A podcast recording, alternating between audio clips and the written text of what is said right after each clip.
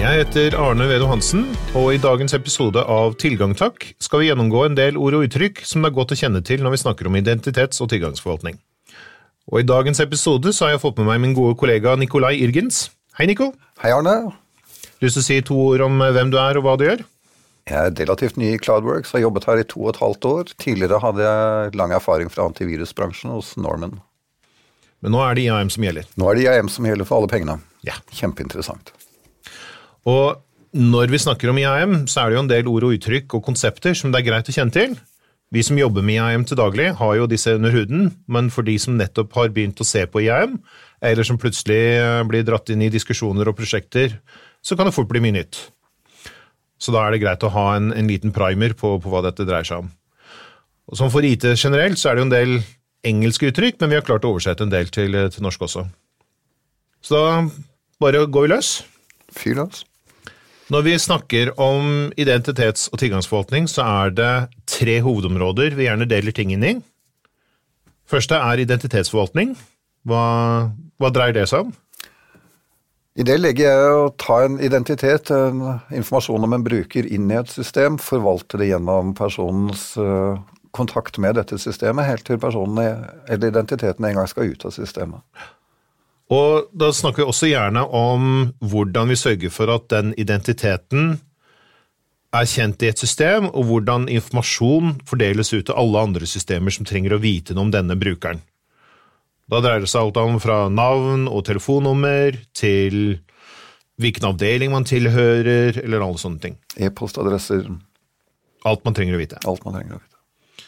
Neste hovedområde er tilgangsforvaltning, det som gjerne også kalles access management.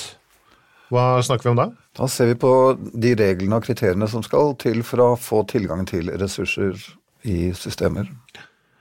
Så vi, da snakker vi ikke om brukeren i seg selv, men hva brukeren har lov til å gjøre, og vi, hvilke prosesser og hvilke måter vi sørger for at brukeren får lov til å gjøre disse tingene.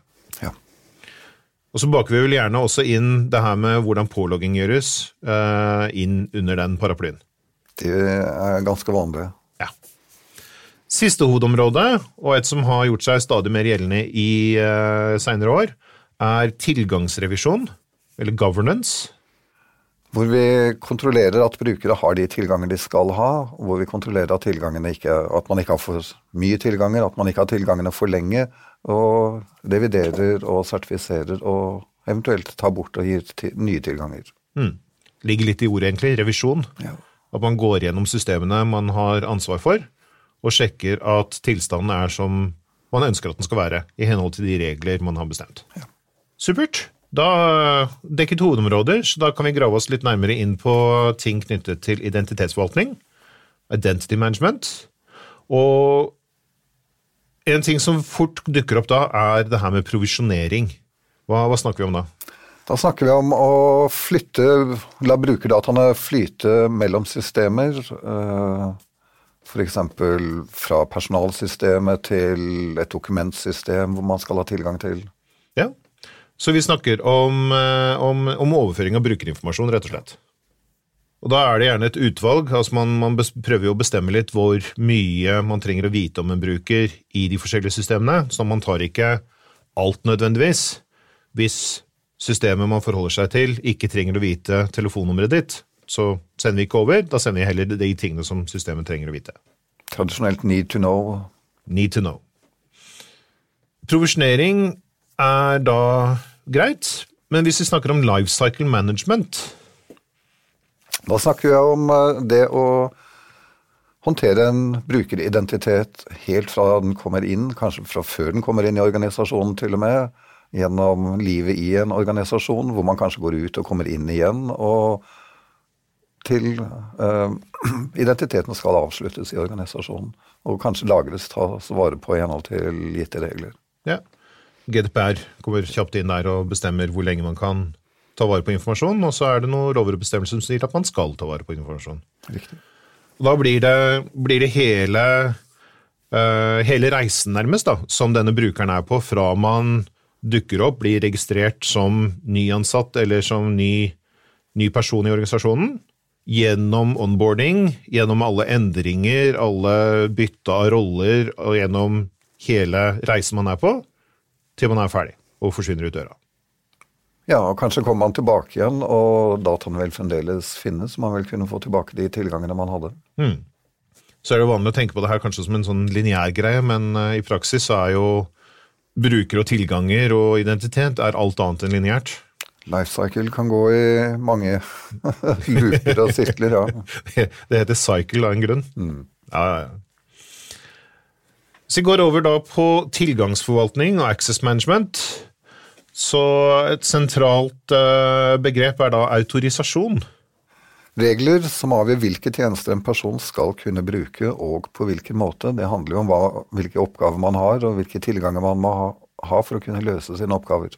Ja, Så det at noen sier at uh, Jan Johansen skal ha tilgang til regnskapssystemet, eller sier at han ikke skal ha det.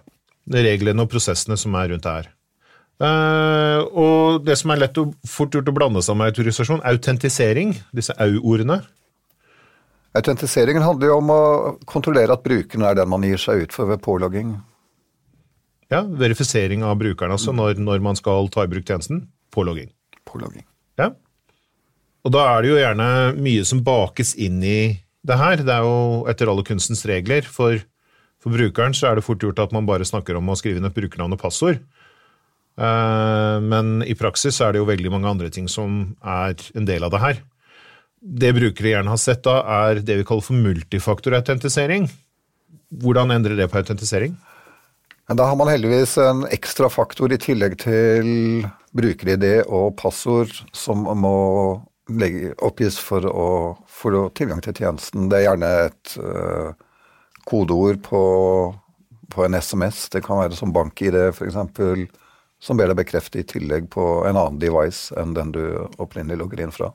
Ja, så det handler om også å kunne bekrefte på flere ulike måter hvem man er som bruker. Ja. Ja. Og det er jo et, en stor skog av denne type, denne type, faktorer, som vi kaller det. Men det som eh, de fleste kjenner til, er jo det her med SMS-kode, eller kanskje en, en app som man, man, må trykke godkjent på for å få lov til å logge seg inn. Ja, banken er vel det beste eksempelet, og de fleste har vel tilgang på det. Ja. Det som gjerne dras inn i diskusjonen når man har god kontroll på dette med multifaktorer og pålogginger og sånt, nå, er passwordless. Hva, hva legger vi i det? Det er jo et fremtidig håp om at vi en gang eh, vil kunne få tilgang til systemene basert på den vi er, uten å måtte eh, logge oss på med ID og, og, og passord som må endres eh, med jevne mellomrom. Forhåpentligvis vil devicer kunne kjenne oss igjen og vite at når jeg er nær denne, så er det jeg som er meg, og at det gir meg tilgangen. Ja å kunne gjennomføre en pålogging på en sikker og etterrettelig måte, men hvor dette prikk, prikk, prikk passordet eh, slipper å være en del av, av, prosessen. De fleste har jo et eh, Det er vel ingen som bruker IT-tjenester som ikke har et forhold til passordresett og passordkompleksitet og passordregler og i det hele tatt. Jeg kjenner på kaldsvette hver gang jeg får beskjed om at passordet må endres. Ja. Supert. Da tror jeg vi har dekket de eh, fleste hovedbegrepene som vi knytter til eh, tilgangsforvaltning. Passordløs innlogging er jo vel og bra, og multifaktor og sånt noe, men uh, ofte så snakker vi om føderasjon. Hva, hva, dreier det seg om? Da har man allerede tillit i et system, og det systemet distribuerer tilliten til sine tilknyttede systemer. Så det handler om at ulike tjenester kan bruke en påloggingstjeneste som da håndterer pålogging for alle disse tjenestene. Ja. Sånn at alle disse sluttjenestene, som vi også kaller service providere, at de ikke trenger å sikre innloggingen. De trenger ikke å vite hva passordet er, eller hvilke multifaktorer du har. Det er det en sentraltjeneste som gjør. Og så at det er et samarbeid og en arbeidsfordeling med disse som gjør at man får gjort en sikker innlogging. Ja. Og Da er det kanskje det her som man kaller single sign-on? Det leder videre til single sign-on når man da er eh, stolt på av det stedet man har signet inn på, og det distribuerer din, eh, den tilliten videre, så holder det med én single sign-on, ja. ja. Engangspålogging. Engangspålogging. Direkte oversatt. Det er jo flere tjenester som tilbyr det. Mange har sikkert vært i, til, eller opplevd at man får tilbud om å sign på med Google-ID-en, eller sign inn med Facebook-ID. Mm. Og da vil Google eller Facebook, eller som du nevnte, bank-ID, vil jo da være en sånn type påloggingstjeneste, en identity provider, ja. i, den, eh, i den, eh, det regnestykket her. Ja. Så går vi litt inn på det her med governance, IT-revisjon. og da, En ting som vi gjerne snakker om da, er resertifisering.